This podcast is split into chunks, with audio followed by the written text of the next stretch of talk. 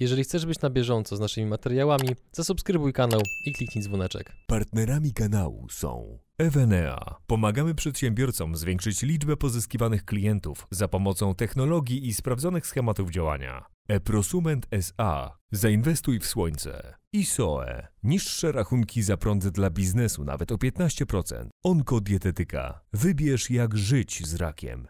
Linki do partnerów w opisie materiału. Dzień dobry drodzy widzowie, ja nazywam się Adrian Gorzycki i witam Was w czwartym i niestety, musiałem to powiedzieć, że niestety, czwartym odcinku serii eksperckiej z Arturem Jabłońskim. Dzień dobry ponownie. Dzień dobry. W poprzednich odcinkach e, pokryliśmy między innymi takie tematy jak targetowanie i kreacja, natomiast jak dobrze pamiętam, to bodajże w pierwszym odcinku wspominałeś, że cztery elementy są takie dość kluczowe w tym, żeby reklama płatna była skuteczna, więc jakie są pozostałe dwa? Dwa kolejne aspekty poza kreacją i targetowaniem to, tak jak wspominaliśmy w pierwszym odcinku, mechanika, czyli sposób, w jaki reklama działa oraz strona lądowania, czyli dokąd właściwie ta kampania czy ta reklama konkretna kieruje.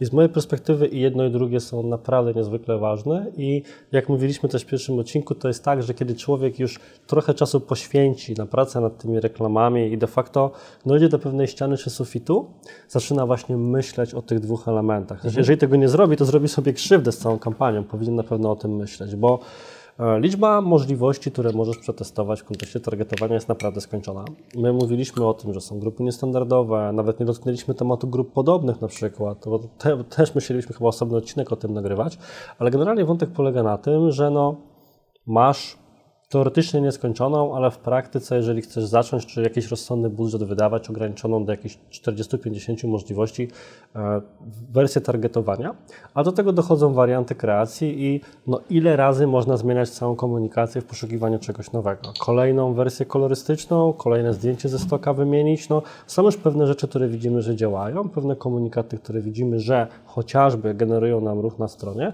i pora zastanowić się, co jest po drugiej stronie równania, czyli co się dzieje już po kliknięciu. Bo okazuje się, że i też my się na kilku przykładach na ten temat mm, przekonaliśmy, że czasami nie trzeba w ogóle zmieniać niczego na poziomie kreacji czy na poziomie targetowania, żeby kampania nagle radziła sobie lepiej. Jeden z takich przykładów, których się często posługuję też na konferencjach, jest właśnie kampania, którą robiliśmy dla bardzo dużego cateringu dietetycznego, który wchodząc na Wielką Brytanię zaangażował nas jako osoby, które te kampanie mają zrobić. Z uwagi na to, że to jest sieć, no to ma świetnie przygotowaną stronę, konfigurator, wiesz, wszystkie takie możliwości, które potrzebujesz, żeby wyklikać sobie, że potrzebujesz diety o danej kaloryce i danych składnikach na daną liczbę dni. Więc angażujemy te ciężko zarobione funciaki korporacji, żeby taką kampanię uruchomić i okazuje się, że mija miesiąc i sprzedaż naprawdę no, imponująca nie jest. Więc klient na szczęście nam zaufał pod tym kątem, że widział, że my naprawdę się nie obijamy, że testujemy bardzo dużo grup docelowych, wariantów kreacji, szukamy, no ale no, sprzedaż nie była zadowalająca i ile można inwestować w taką kampanię. To był taki moment, w którym właśnie wtedy na Facebooku pojawiały się po raz pierwszy reklamy na Messengerze. I troszkę z braku już innych pomysłów czy opcji, a trochę na zasadzie spróbujmy, postanowiliśmy się z tym wątkiem zmierzyć. Reklamy Messengerze, jak ewentualnie widzowie nie muszą wiedzieć, one działają w ten sposób, że wtedy zamiast przycisku typu przejdź na stronę, masz przycisk wyślij wiadomość na Messenger. I po kliknięciu w taką reklamę rozpoczyna się rozmowa bezpośrednio z fanpage'em. I co postanowiliśmy wdrożyć? Każda tego typu firma ma na przykład na etacie dietetyków, którzy układają te diety. Oni są też często dostępni jako konsultanci na dziale czatu bezpośrednio na stronie internetowej. Więc to, co my zrobiliśmy, to wzięliśmy te osoby i powiedzieliśmy: hej, słuchajcie, teraz będziecie odpowiadali też na wiadomości, które będą się pojawiały na Messengerze. I cała komunikacja, zamiast być taką komunikacją stricte sprzedażową, czyli kup pan dietę, została przez nas zmieniona na e, niech doradca pomoże Ci wybrać odpowiednią dietę dla Ciebie. I potem sobie czytaliśmy te wiadomości, które zaczęły wpadać. Okazuje się, że padały tam naprawdę podstawowe pytania, typu a czy mogę wykluczyć dany produkt, a czy Pani, Pana zdaniem to będzie dieta dla mnie, a na ile dni powinienem zamówić, a jaką kaloryczność wybrać, czyli pytania, które teoretycznie były wszędzie na stronie internetowej, w sensie mógłbyś znaleźć nawet na stronie głównej odpowiedzi na większości z nich, ale ktoś mógł nie zauważyć, ktoś mógł nie dać temu szansy, ktoś mógł po prostu nie chcieć. I to mnie nauczyło, że w bardzo wielu przypadkach kluczowa jest właśnie ta zmiana mechaniki, bo okazało się, że wystarczyła ta jedna zmiana, żeby kampania zaczęła się zwracać. A i do dzisiaj jest taka, pracujemy z tym klientem już chyba przeszło 3 lata, że to jest, na początku to w ogóle były jedyne kampanie, które puszczaliśmy, a teraz jest to ich lwia część. Większość budżetu idzie cały czas na kampanię na Messengerze, zamiast na generatory na stronie internetowej. Bo właśnie dzięki temu wiemy na przykład, że jest konkretna kwota, którą musi maksymalnie kosztować dana konwersacja, są to okolice 3 funtów, żeby biorąc pod uwagę, jaki jest współczynnik konwersji, czyli ile de facto jest zamykanych sprzedaży na tym Messengerze, całość się opłacała po tym, jak człowiek zamówi dietę, dajmy na to na 7 dni. To jest nasz główny KPI i główna metoda optymalizowania takiej kampanii. I właśnie wtedy po raz pierwszy zacząłem się mocniej zastanawiać nad czymś takim, że hej, to, to nie jest tak, że ja nagle odkryję właśnie nową magiczną formę przekazu reklamowego, czy coś, co mogę zrobić na poziomie samego systemu, ale powinienem mocniej skupić się trochę na biznesie klienta, na tym, jak on działa. Dlatego, że mieliśmy też przykład na przykład negatywny. Również zresztą na rynku brytyjskim, gdzie zostaliśmy zatrudnieni jako wsparcie dla klienta w zakresie e, on miał taki biznes, że pomagał dobierać kredyty i zajmował się czymś takim, co się nazywa remortgage. To nie chce to wchodzić, no generalnie produkt dla osób, które szukają kredytu. I naszym zadaniem było generowanie lidów. Więc próbowaliśmy na kilka sposobów i w końcu też jednym z tych tematów, który postanowiliśmy przetestować, jest, była kampania na Messengerze, żeby klienci potencjalnie zadawali pytania temu doradcy i potem analizowaliśmy odpowiedzi, które doradca wysyłał. I okazało się, że e, ludziom, którzy wprost pytali, że interesuje ich taki produkt, taki, taki, dostawali jakąś przygotowaną z szablonu odpowiedź tej długości na Messengerze, każdy dokładnie taką samą, bez próby nawiązania kontaktu, bez próby rozmowy i klient nam w dyskusji powiedział, że on w zasadzie to on nie będzie z tymi ludźmi rozmawiał, on by chciał, żeby oni sami zamawiali bezpośrednio, po prostu od razu i o nic go nie pytali. No więc no tak się raczej nie da. Ci klienci znaczy, trochę produkcie... troszeczkę dziwne zachowanie, że przedsiębiorca oczekuje, że klient się dopasuje do niego, a nie on do klienta. Znaczy, no wiesz, jestem sobie w stanie wyobrazić coś takiego, mhm. bo przecież jest coraz więcej możliwości automatyzacji biznesu, która właśnie ma zdjąć z ciebie tę potrzebę prowadzenia tych rozmów, więc rozumiem, że mógł mhm. mieć takie oczekiwania. Natomiast nam to pokazało, że właśnie no, na żadną z tych wiadomości, którą miał przygotowaną jako wcześniejszą i wysyłaną później, już nie było odpowiedzi. Czyli to nam dało informację, że to nie jest tak, że my robimy coś nie tak. My rzeczywiście dostarczamy osoby, które są zainteresowane, bo to było widać po treści tych zapytań, natomiast na etapie obsługi klienta to pada po prostu w tym momencie. I mhm. to się bardzo często dzieje, no bo jakby było znów, ta składowa starego marketingu, no to jest też product, czyli to jest co się dzieje z całym produktem, polityka cenowa, jak on jest sprzedawany, jak to wszystko wygląda. I z naszej perspektywy właśnie mechanika jest tą zmienną, która jest kluczowa. Przykład, który też padał wcześniej, odnośnie tych sklepów z centrum handlowego Ptak, tak? czyli jakieś typu Claudia Fashion. To są bardzo spoko sklepy, one mają pewien określony rodzaj towaru w konkretnym segmencie cenowym, tylko że mimo, że są tam postawione na jakichś silnikach czy templatkach sklepy internetowe, to wcale lwia część sprzedaży też nie idzie przez nie. Gdybyś teraz chciał prowadzić kampanię dla takiego sklepu, to masz de facto dwie opcje. Albo robisz transmisję live, o które pewnie nieraz widziałeś, te wszystkie prezentacje na żywo, sukienek z dostawy i to może bawić, ale sprzedaż, które osiągają te kobiety w ten sposób jest fantastyczna. To są często transakcje idące w dziesiątki tysięcy złotych. Ja też w to nie wierzyłem, po czym miałem okazję porozmawiać z osobami realizującymi takie kampanie, no bo zawsze mi się wydawało, że jak ktoś pod taką transmisją pisze zamawiam, no to że tak sobie napisał, a potem mu przejdzie okazuje się, że to rzeczywiście jest wiążące i później te osoby te transakcje finalnie dopinają mhm. na zasadzie przelewu czy jakkolwiek inaczej zamówienia. I teraz próba puszczenia kampanii tylko na sklep internetowy, nawet najlepiej zoptymalizowane, zakończyłaby się w tym wypadku uważam fiaskiem, ponieważ po sprzedawcy, po, po producencie w tym momencie te kobiety oczekują trochę przyjaciółki, trochę wsparcia, kogoś, kto im pomoże podjąć właściwy wybór. Mhm. I dlatego właśnie mechanika jest z mojej perspektywy jedną z ważniejszych kwestii i warto się zastanowić, bo też tak jak w kontekście kontentu, jest coś takiego, że niektórzy ludzie wolą słuchać, inni wolą oglądać, a inni wolą czytać. A tak samo w kontekście samej techniki zakupowej może być inaczej. Jeszcze inny przykład, czyli wspomniane przez nas wcześniej opiekunki osób starszych. E, my wykorzystujemy w tych kampaniach tak zwane kampanie lead ads, czyli pozyskiwanie kontaktów. Taka forma jest dostępna i na LinkedInie, i na Facebooku oraz Instagramie. Działa to w ten sposób, że po kliknięciu w reklamę ona się wypełnia z automatu danymi, o które Ty poprosisz. Czyli możesz poprosić o jakieś dane z profilu, które są publicznie dostępne, na przykład imię, nazwisko, e-mail numer telefonu. Czyli no niekoniecznie publiczne, ale w sensie z profilu tej osoby są pobrane i dwa, trzy kliknięcia później ląduje to u Ciebie w bazie excelowskiej, możesz następnie z tymi osobami się kontaktować. W ten sposób się rozdaje kupony rabatowe, buduje bazy na webinary, buduje bazy mailowe w ogóle itd., tak itd. Tak Natomiast my trafiliśmy z tą firmą, która rekrutowała opiekunki osób starszych na taką ścianę, że była to typ, pierwotnie typowa kampania oparta o landing page, czyli była strona zostań opiekunką osób starszych i tam był formularz z dość gęstą liczbą pól do wypełnienia.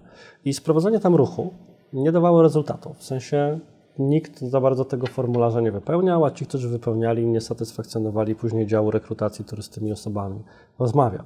Więc zamiast po raz enty próbować zmienić targetowanie czy kreację, bo co jest częstym takim zarzutem na przykład, że no to teraz proszę zmienić, bo ewidentnie coś jest nie tak z ustawieniami, postanowiliśmy zaproponować tę nową formę. I co się okazało? To, umówmy się, nie jest łatwa praca. Najczęściej zostają taką opiekunką osoby, które albo są młode, są to nie, studentki, jedą sobie dorobić, to jest fajne, ale też niestety realia są takie, że często zostają nimi osoby, które same są już w podeszłym wieku, ale im nie starcza z renty czy z emerytury, więc jadą się zajmować jeszcze starszymi od siebie. I to nie jest tak, że to jest taka praca, omówmy się, jakaś aspiracyjna, w której będziesz się spełniał. Możesz, ale pewnie dla niektórych jest to praca, no nie chcę powiedzieć dezawuująca, no ale taka, że z raczej... konieczności. Z konieczności, to jest to dobre słowo. Więc y, ciężko było ich zachęcić, żeby wypełniali te wszystkie formularze. Natomiast teraz mechanika była taka, że oni mają zostawić swoje dane, a rekruterzy po stronie klienta zadzwonią dopytać o szczegóły. I w takiej rozmowie możesz już dużo łatwiej zbić czyjeś obiekcje, żeby na przykład zachęcić go do, do podjęcia tej pracy, pokazać mu też dobre strony tego. Nikt nie będzie czytał takiego materiału, może na to nie mieć ochoty, bo to było przekonanie mocno nieprzekonanych a w rozmowie to już jest coś zupełnie innego. Więc wystarczyła ta zmiana mechaniki, mhm. żeby te same grafiki, te same grupy docelowe nagle zaczęły się sprawdzać. Więc takich sytuacji jest naprawdę wiele. Czasami w ogóle jest tak, że żadna mechanika ci nie zadziała. Mieliśmy sytuację, tu mnie w ogóle nauczyły, jakie są ciekawe biznesy, bo nie wiem, czy się z tym zastanawiałeś, ja wtedy jeszcze nie miałem o tym pojęcia, że są takie firmy, których problemem jest to, że mają zbyt dużo licencji oprogramowania i się gubią. Ile ich mają? I na przykład. Tak, to się nazywa coś takiego wówczas taka usługa czy program zarządzania licencjami oprogramowania. Że na przykład masz tam, nie wiem, 3000 licencji na Worda czy jakkolwiek i w tym momencie generuje ci to duże straty, że wykorzystywanych jest tyle i tyle. I potrzebujesz kogoś, kto ci autentycznie ogarnie wszystkie twoje licencje, żeby nagle ci oszczędzić kilkanaście czy kilkadziesiąt tysięcy na samych tylko abonamentach. I do nas klient właśnie tego typu, nie mogę powiedzieć nazwy, zgłosił się właśnie po kampanii, która, e, której każda iteracja zakończyła się fiaskiem. W sensie kierowanie ruchu na stronę, nic z tego. Kierowanie na właśnie zostawianie kontaktów czy messengera, nic z tego. Próba zorganizowania jakiegoś tam e, webinarium nie powiodła się. Okazało się, że taki segment klientów w ten sposób już nie kupuje. To, co się dopiero okazało metodą właściwą, było zorganizowanie w każdym liczącym się mieście z punktu widzenia tego świata IT, więc tam był Gdańsk, Warszawa, Poznań, Kraków, warsztatów zarządzania licencjami oprogramowania, a naszym celem jako agencji było wówczas po prostu dostarczenie osób, które na to bezpłatne wydarzenie będą chciały przyjść. I później rolą już kogoś, kto prowadził te wydarzenia, było, żeby oczywiście przedstawić wiedzę, na którą człowiek się zapisał, ale przy okazji zachęcić do skorzystania z usług takiej firmy, czyli taka trochę sprzedaż na sali. Mhm. I dla mnie to również jest mechanika, a nawet zahaczająca jeszcze pewną strategię marketingową. Więc wniosek jest taki, że e, żeby nie winić za wszystkie niepowodzenia reklamy. Bo to jest najczęstsze podejście przedsiębiorców. Bo zatrudniłem agencję, ja mam swoją stronę, puszczam, ktoś puszcza ruch na tę stronę, jak się nie sprzedaje, to jest jego wina. I oczywiście rozumiem, bo często, bo w ogóle agencje mają tragicznie niski poziom zaufania ze strony klientów i tak dalej, bo też sam, e, mimo posiadania agencji, mam bardzo złą opinię na temat większości agencji, niestety. Głównie z uwagi na jakiś taki brak otwartości i, to, i daleko idącą nieuczciwość nawet czasami. Natomiast tutaj będę bronił, że no, to jest relacja pół na pół. I też musi tę połowę roboty może zrobić reklama, ale jeszcze jest mhm. cała druga połowa do zrobienia po stronie może niekoniecznie klienta, ale klienta wspólnie z agencją, czyli właśnie od tego trzeba mieć partnera, który będzie potrafił doradzić, także w tym aspekcie. A powiedz mi, jak z Twojej perspektywy możliwie w jak najkrótszym czasie można zbadać, która mechanika w danym przypadku danego produktu bądź usługi jest właściwa? Ile taki powiedzmy test danej mechaniki powinien trwać? Dzień, trzy, tydzień, dwa tygodnie, miesiąc? Wiesz, jak, jak się przedsiębiorca powinien poruszać, żeby przypadkiem nie było sytuacji, w której e, słyszy pustosłowie w kółko od agencji na zasadzie testujemy, testujemy, testujemy. Kiedy tak naprawdę w pewnym momencie powinno się powiedzieć basta, koniec testowania, bo chyba Wam nie idzie. Czy to też na pewno jest pytanie, które zahaczałoby bardzo mocno o to, jakiej branży mówimy, bo wiesz, inaczej będzie się ponownie sprzedawało sukienki dla Claudia Fashion, a inaczej data center, czy catering dietetyczny, czy jeszcze inną rzecz.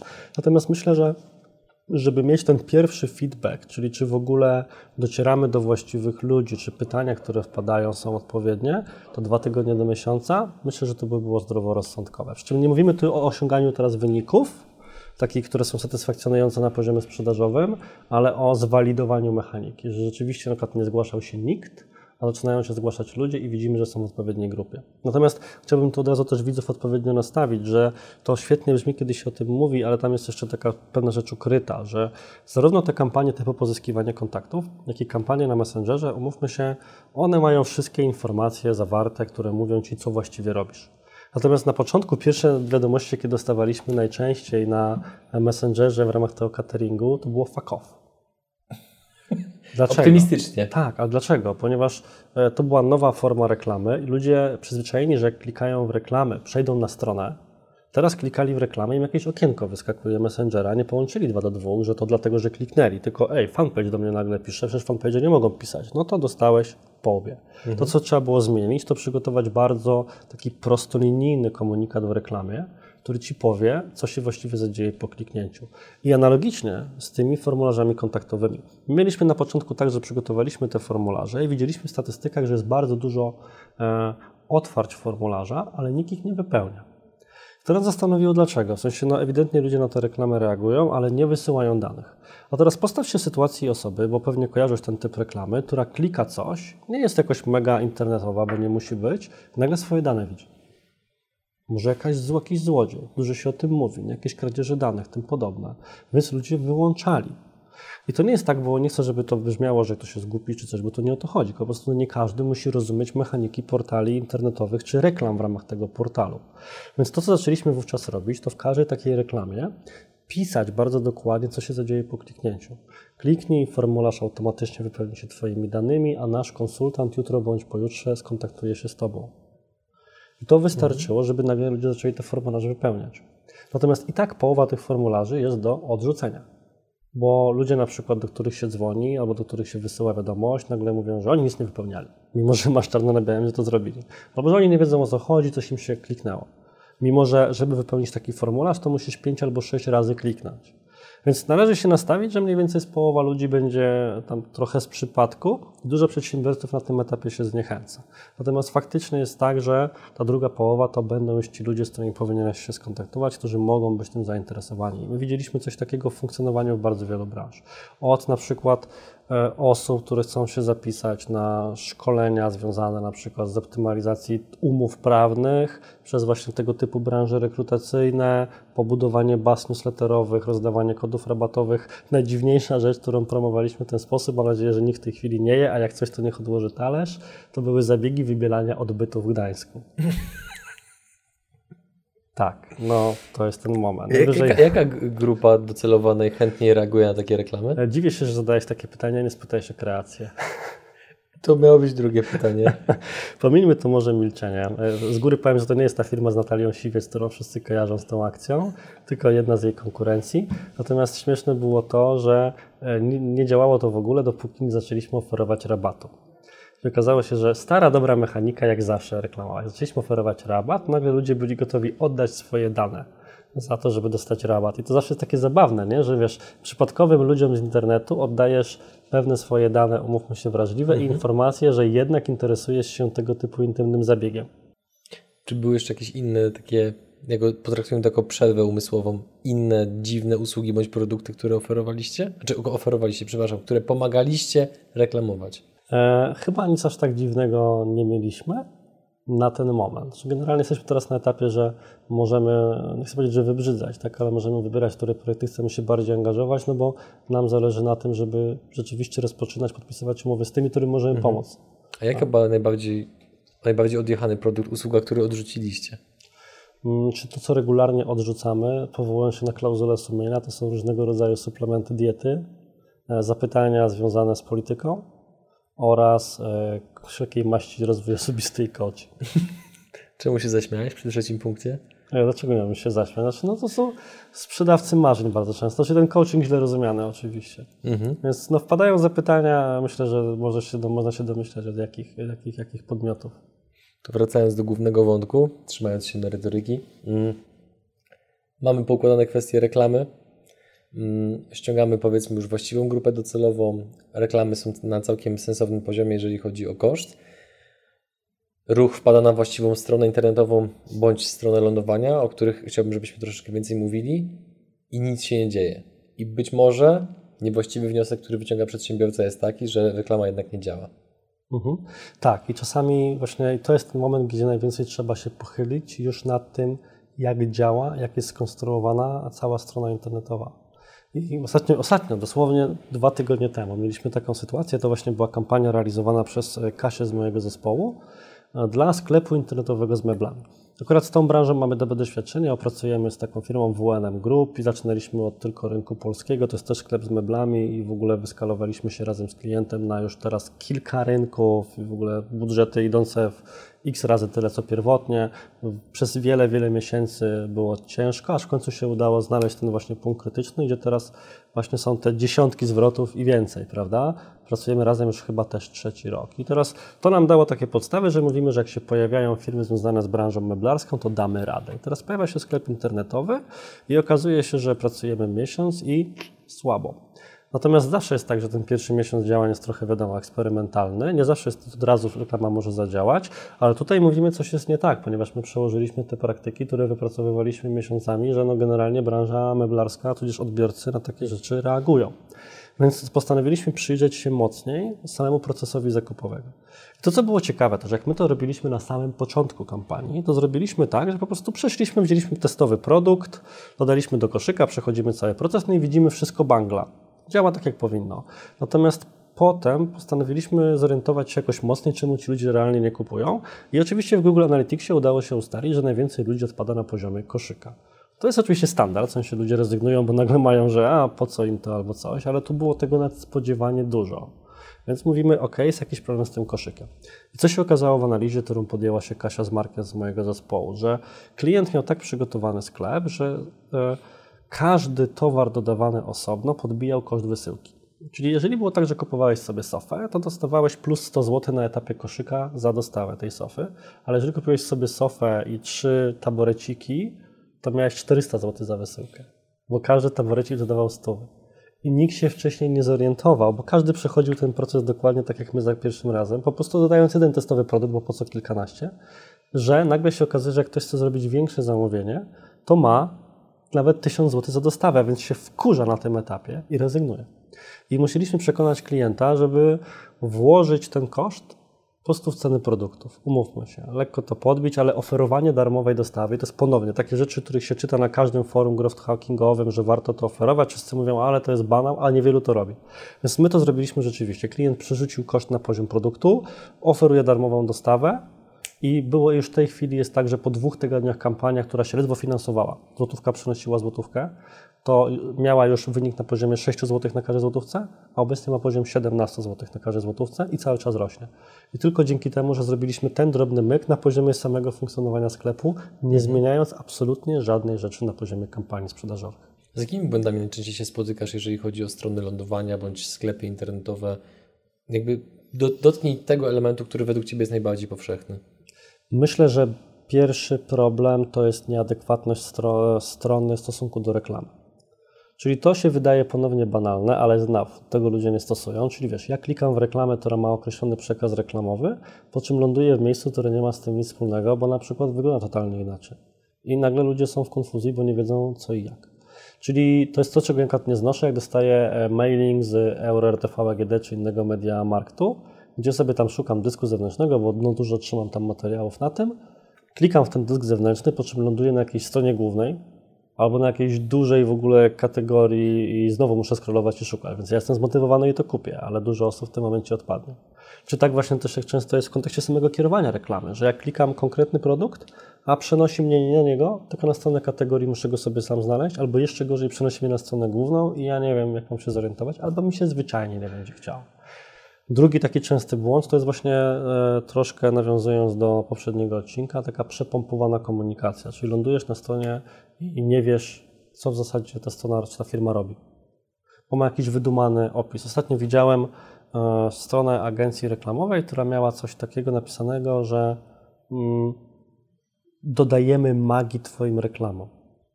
I to jest właśnie taki typowy schemat, gdzie ktoś ma odpał kreatywny, to brzmi fajnie, ale to nie będzie konwertowało. A potem była druga agencja, która miała bardzo proste hasło po wejściu: tworzymy strony internetowe.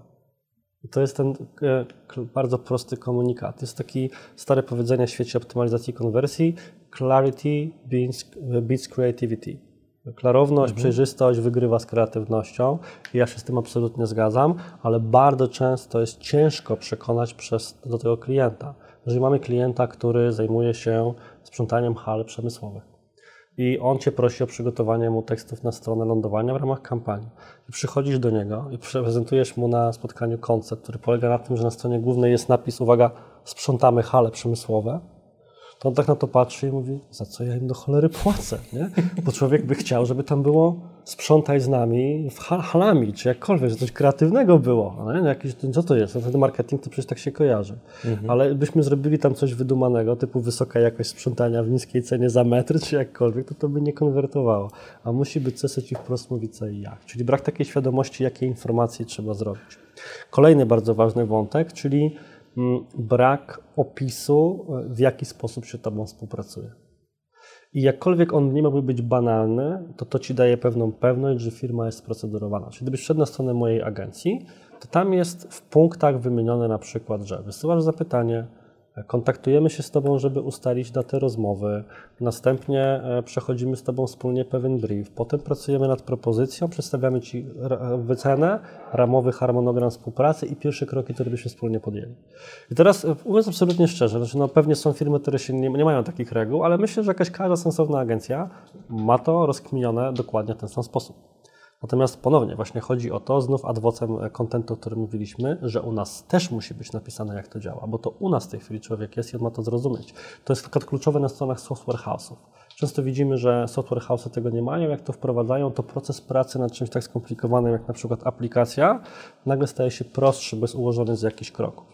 Kolejny punkt to jest na przykład brak dowodu społecznego na stronie. Czyli e, ja wiem, że często są branże, gdzie ludzie się tłumaczą, że nie mogą pokazać, z kim pracują i tak dalej ale możesz na przykład starać się powiedzieć, z jakimi branżami pracujecie, z iloma klientami pracujecie. Jeżeli nie możesz powiedzieć wszystkich informacji, czyli podać marki, osoby w firmie i jej konkretnej wypowiedzi, to podaj tyle, ile możesz. To tak jest lepsze niż nic. Zwróć uwagę, że ja podczas naszej serii e, nie mogłem się posłużyć wcale jakąś dużą liczbą klientów. Mogłem powiedzieć, nie wiem, o Instytucie Matki Dziecka, wydawnictwie Znak i tak dalej, ale kilka nie mogę i nie uważam, żeby to w jakikolwiek e, sposób uderzało w moją potencjalną wiarygodność, no bo jednak jest tak, że wszyscy sobie zdają sprawę, jak działają umowy NDA, czy jakieś zakazy, szczególnie w toku idących kampanii, czy dane wrażliwe. A więc mówisz tyle, ile możesz. Tylko dla klientów z branży X robimy takie, takie rzeczy. Natomiast jeżeli już masz jakieś logotypy, które możesz, możesz pokazać, często jestem pytany, ile ich wrzucić. Tym nie da się przegiąć z ilością. Nasza strona jest regularnie dopakowywana nowymi rekomendacjami i ile tylko wlezie, tyle ich będziemy wrzucali, bo każda nowa informacja pokazuje, z iloma branżami funkcjonujemy i tak dalej. Kolejny element to jest skupienie tekstów na sobie. I najłatwiej się to punktuje na stronie o firmie. Wchodzisz sobie na stronę o firmie i tam jest pompowanie się. Pracujemy z wieloma klientami w kilkudziesięciu krajach i tak dalej, ale brakuje informacji, jak ja Ci mogę pomóc. Dla klientów takich i takich, dla firm takich i takich robimy to i to. U nas lądujesz to na stronie, to masz napisane, że realizujemy kampanie w mediach takich i takich i pomagamy zwiększać sprzedaż oraz generować lidy kiedy wchodzi się na stronę o mnie na mojej prywatnej stronie, to też jest informacja, co ja robię dla innych firm, a nie najpierw, że nie wiem, udzielałem wywiadów, czy byłem w wyborczej, czy gdziekolwiek, bo to jest dla kogoś informacja drugorzędna na tym mhm. etapie. Czyli strona o firmie, która teoretycznie powinna być najbardziej o tobie, ona też powinna być klientocentryczna, czyli opowiadać o tym, co chcesz zrobić. E, pewien sposób podawania informacji. My mieliśmy kiedyś kampanię właśnie w data center, które miało coś takiego, co się nazywa certyfikacją Tier 3. To są osoby, które będą w tej branży, będą wiedziały o co chodzi. Generalnie było to jedno, było kilka lat temu, z centrów, które jako pierwsze coś takiego w Polsce dostało, więc sprawa była naprawdę ważna. i firma chciała się tym bardzo szybko pochwalić, więc to był na stronie lądowania najważniejszy aspekt. Więc wchodziło się na stronę, miałeś, wiesz, wizytówkę, że witamy w Data Center X, następnie, że jesteśmy certyfikowani tier 3, wow, wow, wow. Następnie miałeś scenę i tam później jakaś argumentacja i formularz kontaktowy i prawie nikt się nie kontaktował. I to, co postanowiliśmy zmienić, to najpierw wyrzuciliśmy zamiast tego tier 3 informacje, e, co będziesz miał z przeniesienia serwerów i w ogóle skorzystania z chmury właśnie w tym data center i dlaczego tier 3 pozwala nam stwierdzić, że to jest możliwe do osiągnięcia. Czyli trochę odwrócenie relacji. Nie oto patrz, mamy tier 3, jesteśmy wyjątkowi, tylko mamy takie rzeczy dla Ciebie, ponieważ mamy ten tier 3. Bo jakaś, często ludzie, którzy zaczynają operować językiem korzyści, zapominają o tym, że cecha jest dowodem na korzyść. Czyli jak ktoś Ci mówi, że zrobi coś, to jeszcze musisz mu udowodnić, że to rzeczywiście może zrobić. Wtedy sięgasz po cechy swojego produktu, czy właśnie takie certyfikaty, inne formy dowodu społecznego, czy gwarancje. Więc wystarczyło zamienić ekrany kolejnością, żeby ludzie przestali odpadać na etapie, na którym odpadali wcześniej, czyli cenniku. Albo jestem w stanie to wytłumaczyć w ten sposób, że ktoś wchodził na stronę, widział jakiś tier 3 albo przez to przeskrolował, bo od razu leciał, większość ludzi od razu leciała do cennika było takie, Jezu, czemu tak drogo i spadała ze strony, bo to rzeczywiście te ceny no, nie były rynkowe, tak to pojmijmy, e, ujmijmy. Natomiast później zrobiliśmy to tak, że najpierw padały te argumenty i dopiero później trzeba było sobie ceny odsłonić już dużo mniej ludzi odpadało, bo oni już byli odpowiednio zramowani, że aha, te ceny wynikają z tych i z tych rzeczy, które można osiągnąć, czego nie zrobi mi zwykły data center. Przedtem te informacje też były, ale dużo niżej. Już się zafiksował na cenach, mówi, Boże, nie dla mnie. Każdemu, kto chciałby takie rzeczy śledzić, polecam instalację na własnej stronie, oprogramowanie na przykład Hotjar, albo darmowej wersji, tylko trzeba przeboleć, bo to jest rosyjskie i nie każdy będzie ufał, czyli Yandex Metrika, co nagrywa ekrany i przygotowuje Ci mapy cieplne, żebyś widział na przykład, gdzie ludzie najczęściej klikają i to jest taka jak to ładnie mówią anglosasi, humble pie, że patrzysz na coś takiego i tak jak może ci się wydawać, że każdy po kolei zapoznaje się z treściami na twojej stronie, to nagle widzisz, że ktoś tam spędza 10 sekund, leci na sam dół, później na samą górę, w dwa miejsca zajrzy, tu kliknie i generalnie go nic nie interesuje, znika dalej wtedy się okazuje, że warto powtarzać pewne informacje na stronie, czyli kolejny błąd. Takie założenie, że no, napisaliśmy przecież, że jest rabat. No fajnie, ale na trzecim ekranie małym drukiem w jednym miejscu, no tylko przy produkcie. To powtórzcie tę informację, że jest rabat w każdym niemalże miejscu, bo to chodzi o to, żeby człowiekowi było łatwiej. Co nie zostało powiedziane, nie zostało zrozumiane a na tych zostało powiedziane raz, to jeszcze o niczym nie świadczy. Więc jest takich wiele rzeczy związanych z architekturą informacji i przekonywaniem do siebie, które są po części związane z psychologią, po części po prostu z UX-em, tak? user experience, tym jak się, jak się właśnie steruje uwagą na stronach internetowych. Masz często takie poczucie, że w marketingu internetowym można wielokrotnie obserwować taki trochę efekt motyla, że właśnie zamienienie przykład chociażby kolejności informacji na stronie nagle odblokowuje jakiś kolosalny potencjał sprzedażowy? E, tak, no bo właśnie do, do tego sprowadza się de facto optymalizacja konwersji, bo ponownie to jest coś, co ludzie kojarzą z jakimś magicznymi trikami typu wdrożę dodatkowy ekran na sklepie, zmienię kolor przycisku, czy cokolwiek coś się stanie i ten kolor przycisku jest już niemalże żartem czy anegdotą, że no, bo są takie artykuły, nie? typu jak zmieniliśmy kolor psychiczny z żółtego na zielony i konwersja wzrosła o 700% i to robi dużo złego, bo to są często badania na bardzo małych próbach, czy takie po prostu jednostkowe mhm. przypadki, czyli kolega koledze opowiadał, że jemu się udało, natomiast to nie zawsze działa, ale praca, tak jak ja, tak jak ja rozumiem architekt, właśnie optymizacja konwersji, to taka praca nad czytelnością, architekturą informacji, łatwością przejścia na poszczególne rzeczy, czy właśnie wyłapywanie takich błędów jak ten odnośnie ceny wysyłki, to jest to, jak ja rozumiem właśnie pracę z klientem na temat strony internetowej i żeby to wychwycić, potrzebuję pewnej wiedzy e, na temat tego, jak strony działają, ale też chociażby czasu, żeby na to, czy w ogóle pomysłu na to, bo jest po prostu wiele osób, które nie wpadnie na coś takiego, żeby to zobaczyć, a możemy chociażby w Google Analytics takich luk poszukać, żeby później zidentyfikować, gdzie leży problem. No bo Google powie Ci tylko, że odpadają Ci koszyki, ale nie powie Ci dlaczego potrzebujesz takiego hotjara, żeby zobaczyć, że może hej, coś jest niewygodne w zakupie. Ostatnio mhm. miałem okazję współpracować jako konsultant już z kolei z pewną panią, która na swoim sklepie internetowym, bardzo fajnym, z, sklep, z ciuchami dla dzieci, miała przycisk do, do koszyka pod opisem wrzuconym pod seowca, czyli lądowałeś na stronie produktu, tu miałeś super zdjęcie, tu jakąś masę tekstu zbitego i żadnego dolej do koszyka.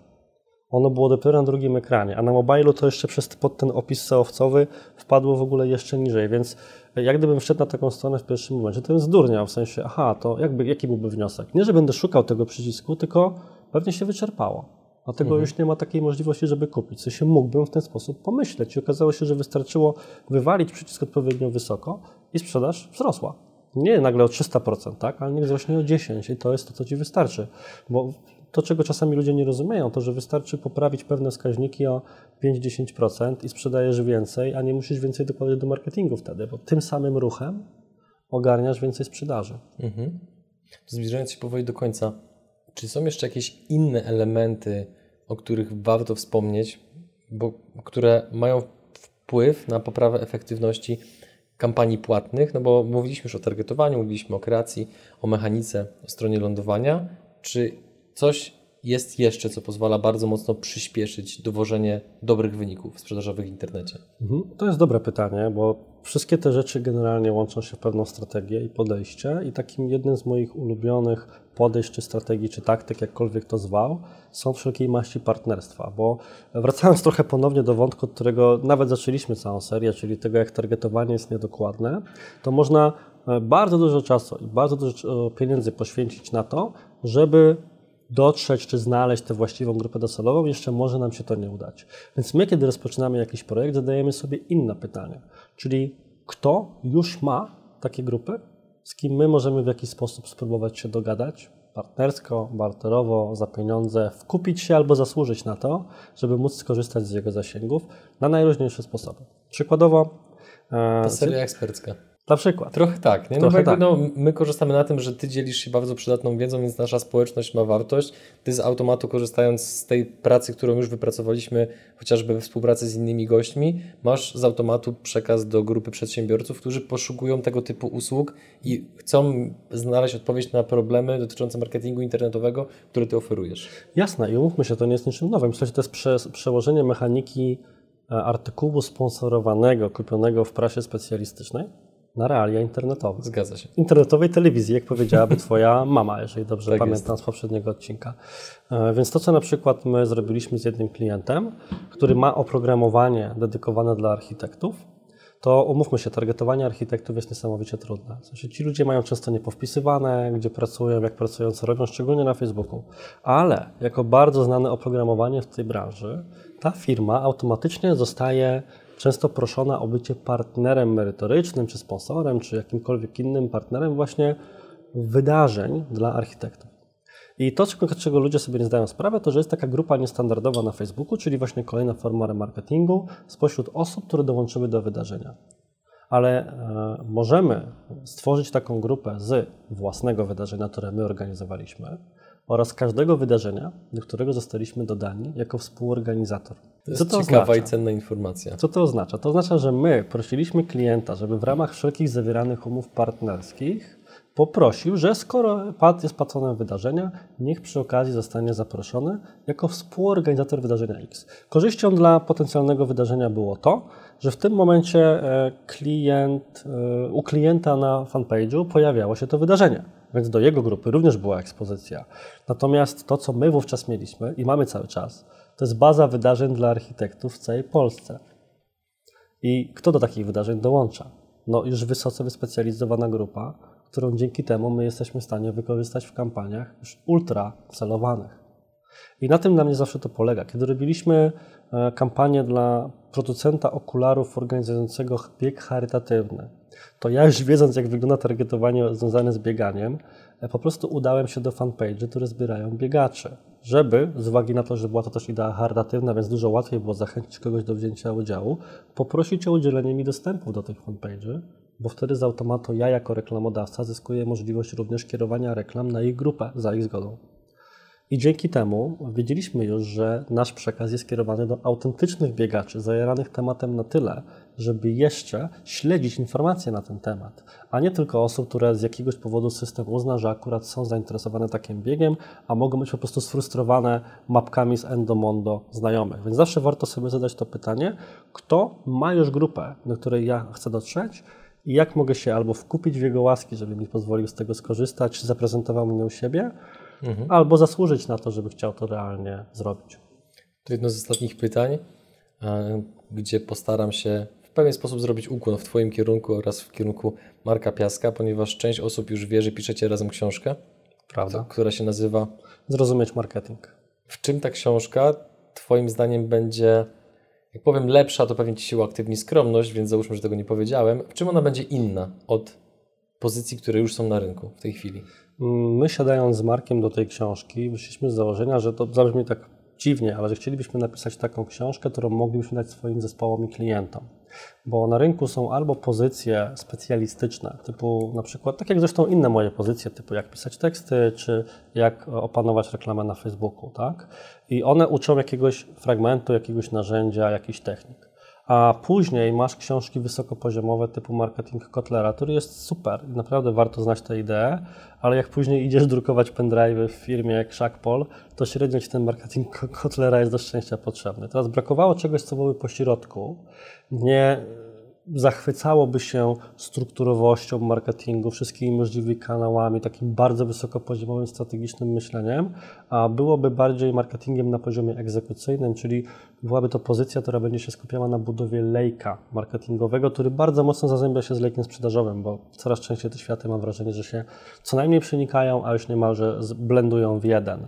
I taka ma być ta pozycja. Czy masz poczucie, że ten odcinek już możemy zakończyć, czy jeszcze nie? No powiem Ci, że jak tak sobie teraz rozmawiamy, to myślę, że jeszcze cztery moglibyśmy nagrać i pogłębić każdą z tych rzeczy, które się po kolei, po kolei pojawiły. Szczególnie, że mam taki styl myślenia, że jakkolwiek by to nie brzmiało dziwnie, mi się dobrze myśli, jak do kogoś mówię. W sensie cieszę się, że jesteś i zadajesz pytania, ale jakbyś tak po prostu chciał, do Ciebie pogadał, to mi wtedy zawsze przychodzą najlepsze pomysły do, do głowy.